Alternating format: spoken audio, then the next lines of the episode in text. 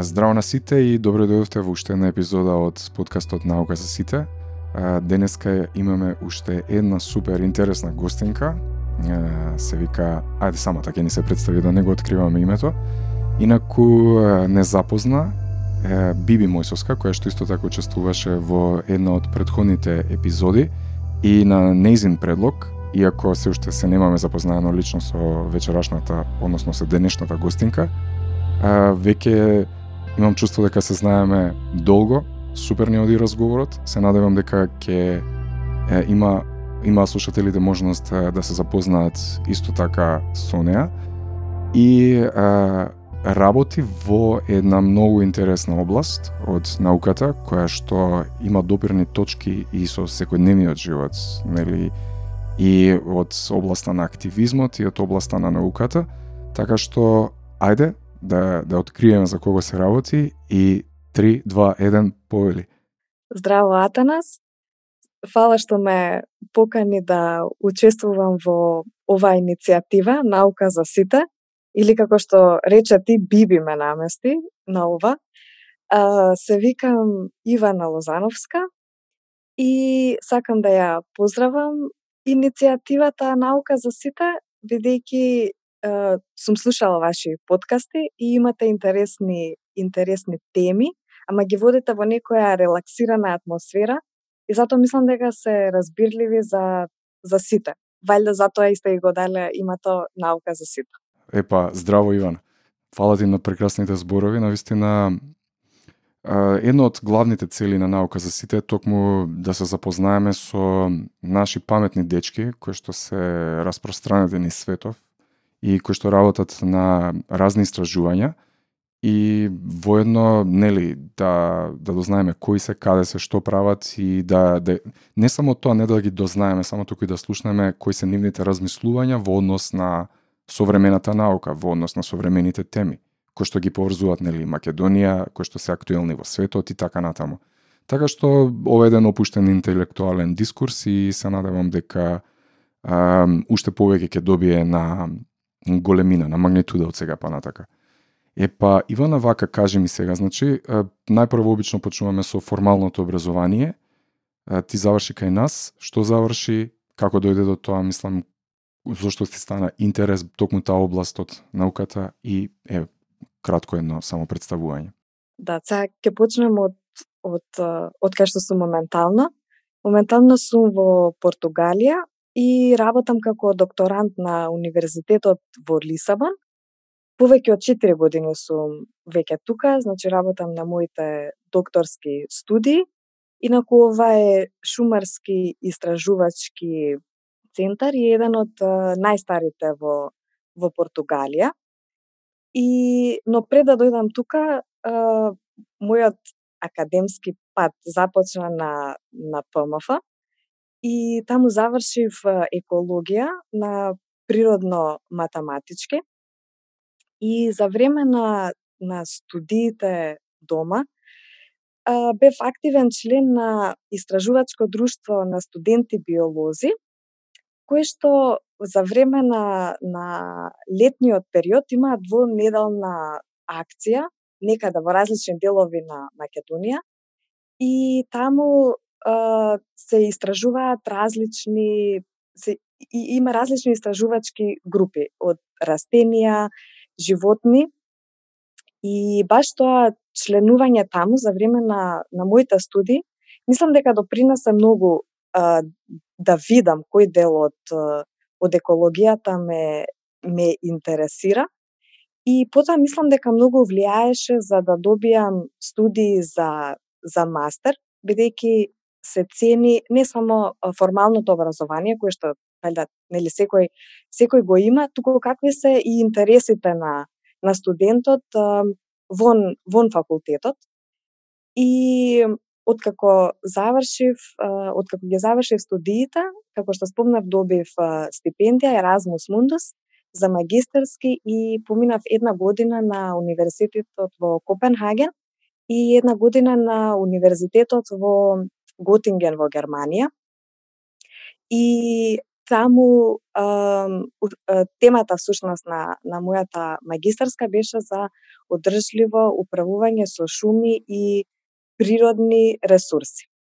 Така да и понатаму по, потоа ги добив докторските студии во во Португалија за кои што аплицирав кои што се во насока на кои што се во насока на рипариски шуми, а и подоцна ќе ќе објаснам точно што се mm, што так, се рипариските так, шуми. Со био се запознавте во Данска или се знаевте од да, предходно? Не, не се за не се знаевме од предходно, се запознавме во Данска бидејќи да ја дојдов во Копенхаген, а уна беше мислам дека тогаш докторант уште во во Роскилд. Да. Така, така нешто. И да. се запознав. Таа ти беше на јапонски тоа се вели сенпај, а ти беше неизин uh -huh. кохај. Значи тоа е нешто како некој кој што има искуство пред тебе, па те воведува во ти помага, мислам во во новата да. средина, така барем тоа е еден јапонски концепт. И супер, да, да, супер. Да. Од инаку од кој град си од Македонија? Од Скопје сум. А, од Скопје си, не те не те прашав да. за тоа. Супер, супер. Да, да, да. Mm -hmm. Значи преку активностите со македонското еколошко друштво, ти и се со друштвото на на студенти биолози. Биолози, на, на така. Да. Mm -hmm ти се роди а, желбата, тоест љубовта кон екологијата како наука, како научно поле, меѓу другото, нели? И те мотивираше да, да продолжиш во таа насока. Е сега, оно што е интересно нели да се објасни за нашите слушатели, барем според употребата во македонскиот јазик, зборот екологија, како да има две, така да речеме, употреби, две дефиниции. Едната е дефиниција во контекст нели на слободниот говор во контекст на општеството, екологија и има научна дефиниција која што стрикно ја дефинира ова област во биологијата. И сега, mm -hmm. дали може малку да ни објасниш која е разликата помеѓу нели популарното сваќање на терминот екологија и екологијата како научна дисциплина? Интересно е тоа што се поврзува екологијата со, например, нели, чистење на улици и собирање ѓубре. И тоа е окей, но ако си активист, ако се бавиш со еколошки активизам. И луѓето кои што се активисти, а не се не се бават научно со екологија, тие се викаат екологисти. А оние луѓе кои што научно се бават, тие се тие се еколози. И често пати сум гледала дека се мешаат овие два термина на телевизија или по портали, погрешно се погрешно се користат. И но ја затоа може нели да се да се разјасни. А инаку а, екологијата како како наука има биолошка основа и по дефиниција тоа е наука која што ги проучува самите организми, значи како се изградени, како растат, како се размножуваат, а, какви се врските помеѓу организмите и какви се врските помеѓу организмите и, и нивната средина. И има различен фокус на, на проучување на овие точки.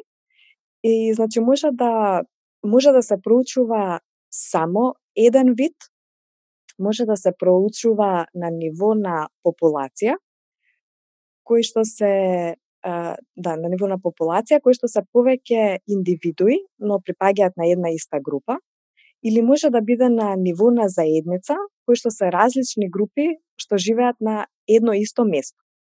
И четвртиот фокус може да биде на ниво на екосистем, кој што подразбира врски помеѓу живиот свет, како на пример или така наречен биотички дел стручно, кој што опфаќа растенија, животни и микроорганизми и какви се тие и како какви се нивните врски со неживиот дел на природата. А под нежив дел или абиотички дел на природата се се подразбира вода, атмосфера и почва. Значи, екологијата ги проучува сите сите овие аспекти. И понатомо кога кога човек специализира во една одредена насока, се дели дали ќе специализира на вид, на популација, на на заедница или на или на ниво на екосистем. И зошто ова е зошто екологијата е битна, односно зашто познавањето на на екосистемите е битно, бидејќи ако знаеме ако знаеме како еден екосистем функционира, е од пресудно значење за човештвото, бидејќи и ние спаѓаме како живи суштества спаѓаме во во екосистемот и затоа а, кога има пореметување на рамнотежата на екосистемот во кој што спаѓаме и ние, тоа нарушување на, на, на рамнотежата влијае, влијае и на, на човекот и на целото човештво. И е дефинирана екологијата како како наука во од страна на германскиот научник Хекел во 1866 година. И од тогаш се како како засебна, засебна дисциплина. дисциплина. Така, така, да. така. Е се кај нас екологијата повеќе се асоцира со нели чистење на средината во која што живееме, значи да. заштита на животната средина, се зборува во контекст mm -hmm. на загадување на воздухот, водата и рециклирањето но екологијата како терминологија всушност офаќа многу нели поширок поширока сфера на на интерес од она што е нели само заштита на животната средина. Многу повеќе од тоа. Да, бидејќи заштитата на животната средина оди во насока на на заштита на и прочистување на воздух, прочистување на вода и рециклирање, секако имаат допирни допирни точки, меѓутоа еден човек не може да не може да работи се, сепак мора да се да се специализира во во одредена насока, а конкретно значи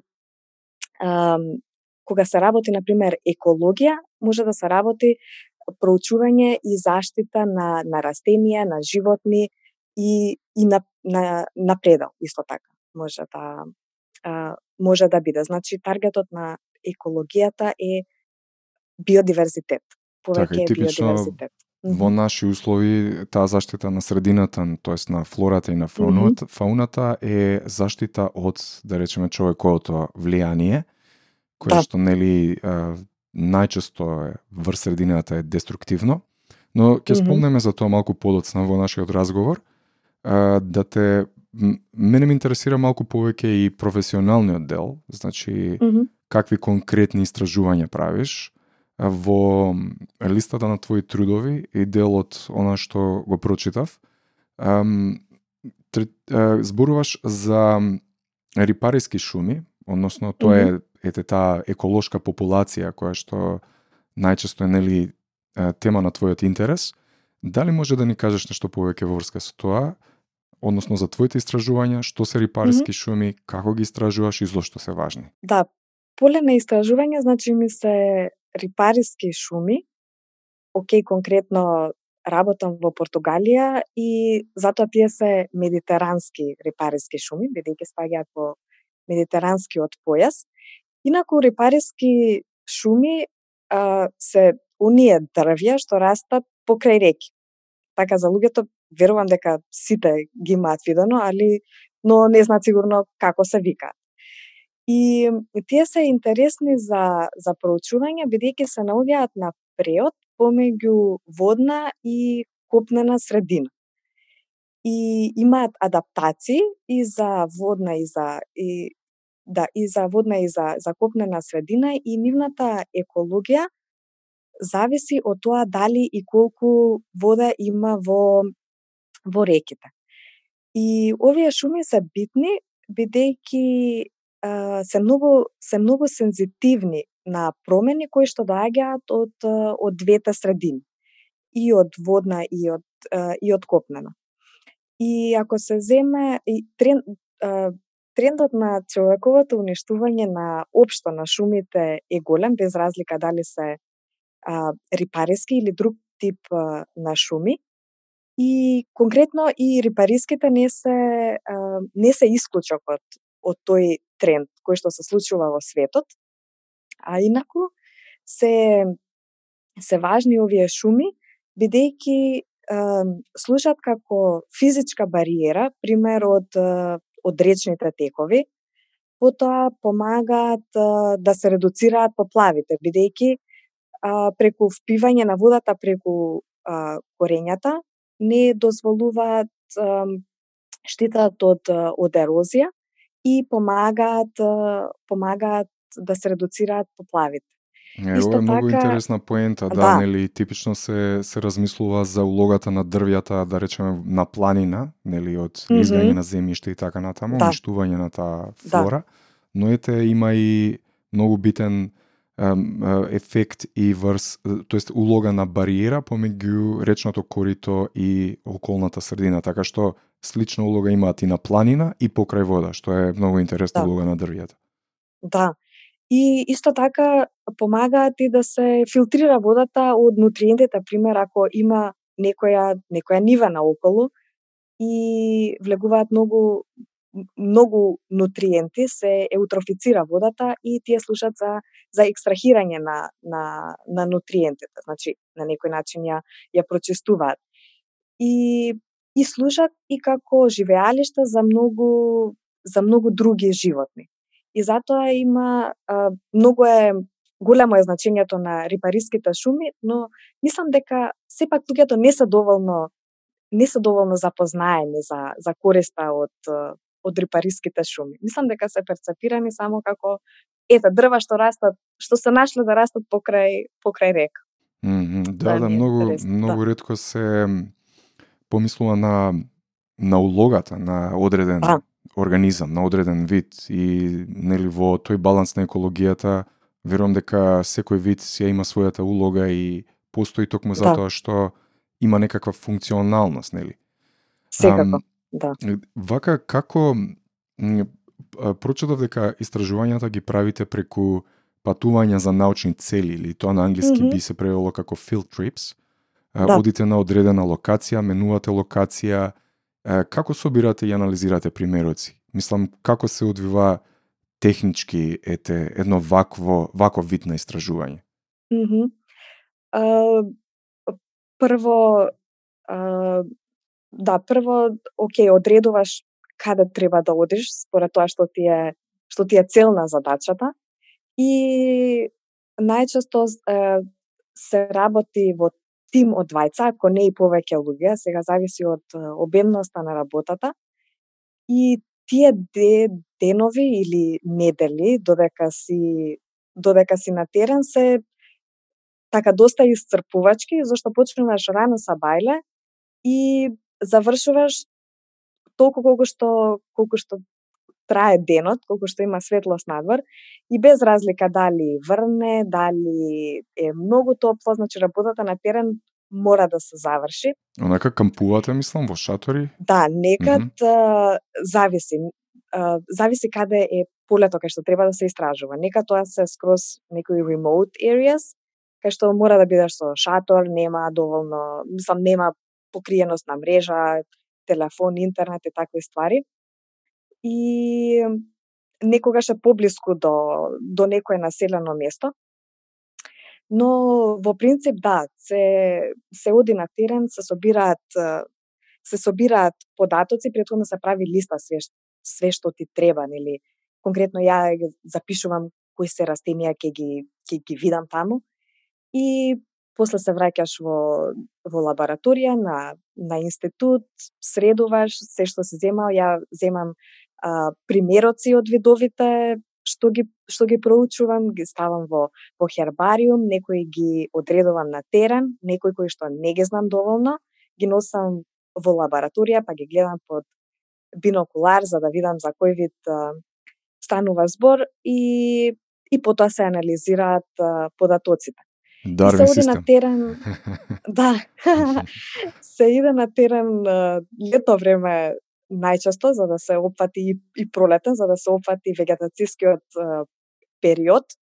И средувањето обично на, на податоци е окей во есен, после во зима пишуваш труд и се среќа на кога објавиш до следното лето кога треба па идеш на терен. Така, ова е интересно да да Верувам дека ваквите студии, мислам, се диктирани од динамиката на природата и тоа ги прави да. многу многу интересни, многу убави, мислам. веројатно се чувствуваш и дел од сето тоа како нели во една поголема целина. Um, Да. Кај нас во Македонија се прават, мислам, сличен вид на, на студии. А, дали случајно имаш информации, податоци, нешто? Како се движи Мгм. кај нас ситуацијата? А, мислам дека а, не мислам туку знам дека се се прават и се организирани на сличен начин. Ја мојата дипломска работа ја направив во Македонија на три блата во во Македонија кај, кај што работев и се функционира на на сличен начин. Се иде на терен, се собираат податоци, дел се запишуваат таму, дел се запишуваат во во лабораторија, се нај, анализираат, така да... најатрактивните локации кај нас? Мислам, нај, најчесто посетуваните локации, она, од интерес на еколозија. А, зависи, з- мислам дека зависи од тоа што што проучуваш. Еве, на пример, конкретно за мене, е, со бидејќи се бавев и дома со со блатна вегетација, што е дел од рипариската вегетација или слично со неа, а, белчешко блато на пример е познато за за еколози, за луѓе кои што сакаат да се бават со вакви со вакви типови на на живеалишта, блатни или водени, што се на преод помеѓу сув, помеѓу копно и вода. А, но има и други, ова е само еден пример така што ми дојде да го Мгм. да го има, спомнам. има разлика помеѓу блато и мочуриште? Или тоа е А, синоним, синоним за е, има има разлика е, во однос на тоа како како се како се полни со вода, од каде доаѓа вода во во едната средина, а како доаѓа вода во во другата средина. Меѓутоа, на пример, кога станува збор за за рипариска зона, таа е таа е стрикно определена дека е дека водата доаѓа од од река, значи се поплавува само од од река. Така да тие се тесно ем, различни се, слични но различни. Тесно се тесно се поделени. Да. Така, морав да прашам, прв пат зборувам со експерт по екологија, така што овие Да. дилеми мора да ги расчистиме, што е блато, што е мочуриште. Супер, да, да, супер. да. Да. А, вака да те вратам малку бидејќи нели желен да да скокнеме на овој интересен дел околу истражувањето и екологијата, заборавив Мгм. нели да на почетокот да спомнам дека работиш во Лисабон, во Португалија и Мгм. фала ти нели само што што не подсети за тоа. Е, сакам да да те запрашам како е нели животот таму, како е културолошки стилот на живење, дали има разлика помеѓу нас и помеѓу македонците и португалците, сепак на некоја си така иста линија, на кај Медитеранот сме и ние и тие, мислам, дали, дали имаш некој онака, а, да речеме, стереотип кој што би бил различен помеѓу нас или сличен, или како е нели животот, културата и така натаму? Да. Е, во животот во Португалија мене ми е интересен и мислам дека човек што доаѓа од Македонија лесно би се навикнал на тој живот бидејќи некако е пријатно. Прво, климата кај што е стално пријатно топло, но не е претопло. И луѓето се исто пријатни, храната е вкусна.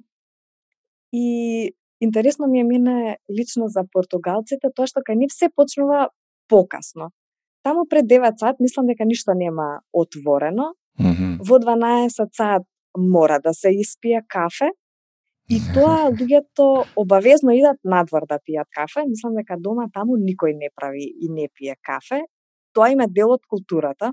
Така, Има тоа долги- повеќе како социјален момент, од повеќе Да, отколку нели да. како нутриционен момент. да, ја М. изгледа. Мгм. и долги паузи за ручек имаат и така некако бавно, Лежано. бавно иде се. Да. М, И затоа ако на човек му треба нешто итно, со среќа. Така да таму све си е бавно, ќе го средат они, ама ќе помине некое време. А, Слично како кај нас. Да, Со тоа што кај нас е малку понеизвестно дали ќе се среди воопшто. Океј. да, али таму што ми се свиѓа на пример ако се изнервираш, како дома кај нас кога ќе се изнервираш, у Лисабон за 15 минути си на плажа на океан и така да вајда и нервозата лесно ќе ти помине. Е кај Мгм. нас мислам дека го нема толку тоа задоволство. И и затоа некако стварно е пријатен пријатен е животот Така, во во Лисабон. Да. Ма да, такви се тие земји кои што излегуваат на море, океан, мислам, си имаат по, поинаков вајб. Мислам, чувствуваш отворен простор некако, ја чувствуваш големината на просторот, за разлика кога си во некоја клаустрофобија од згради или така некои... Ам, Да. во колку часот се стемнува во Португалија, типично, нели, подоцна од кај нас во принцип, или по, подолго трае денот, или пократко? А, подолго трае денот, до 9 сат е светло Mm, и после така почиња да се да се затемнува и добро, окей, значи ден некаде до до 9 сат, да. Така, Португалија значи е околу час, пред да, нас. да, да. Мгм. Може би затоа Да. така си влијае малку кон нели подоцна да почнува да, се буди животот во во во Португалија, да, многу интересно. Да, може, може да е тоа причината. Да, не знам зошто, ама е така. Е, една хипотеза излезе од муабетов, ако ништо друго. За тестирање ова, мислам, во контекст на екологија има смисла во секој случај. Да, Е, уште еден термин сретнав, да се навратиме Мгм. малку на да. истражувањата во твоите трудови. а, Мгм. зборуваш исто така за функционален диверзитет во контекст на Да. видовите, во контекст на екологијата. Мгм. Што е функционален диверзитет и зошто Мгм. е важен? Исто нели како и претходно, ако може малку да ми ја објасниш. Да. А, функционален диверзитет е тоа што ја го работам кај овие репариските шуми што ги што ги опишав. И тоа е проучување на карактеристиките на на видовите. Значи тоа е понов понов концепт, ако може да кажам, последните 20 години дека е дека е понов, се развива и значи го опишуваш екосистемот преку не преку видовите кои што живеат таму, туку според тоа како тие изгледаат. Или би кажала, на пример, колку се дрвата, колку се дрвата високи, колку им се корењата длабоки, колкава е површината на листовите, дали пример, не знам, се расејуваат со вода, со ветар или преку животни и слично. Значи, се работи на карактеристики. Ам, или traits, што на англиски, да, го особини, да, како особини, да, особини, карактеристики, црти, така да. нешто, да. Да, Мгм, да. мгм. И интересен е интересен е за проучување бидејќи баш според тие карактеристики кои што ги кои што се наоѓаат во екосистемот, а, може да се утврдат промени во во истиот. Пример, ако кажеме дека во некоја река нема доволно вода и растенијата тешко виреат таму, тие сите ќе имаат нема да бидат високи, ќе бидат ниски, ќе имаат помали листови, значи уочливо е дека дека нешто се случува со со екосистемот, дека има некоја промена.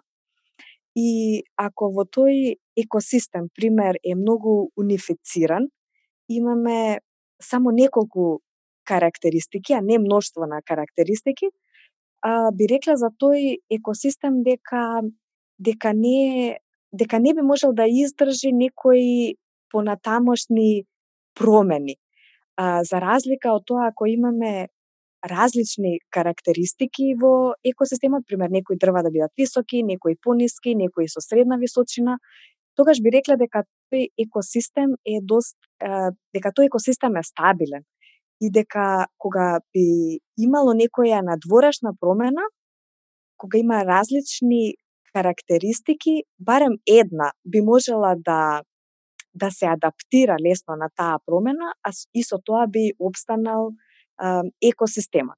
Значи тоа е некој аспект кој што се кој што ја го проучувам кај овие репарески репарески шуми. Така, да, на некој начин растенијата особено се рефлексија на средината во која што живеат, Да. бидејќи Да, баш така. Во контекст во, за споредба нели со животните кои што најчесто имаат способност за локомоција и можат да мендуваат разни животни средини, да мигрираат Да. и така натаму.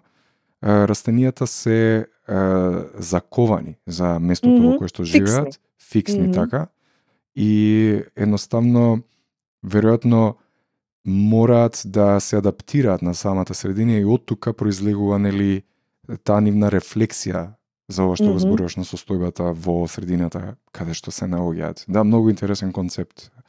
Ам, Да.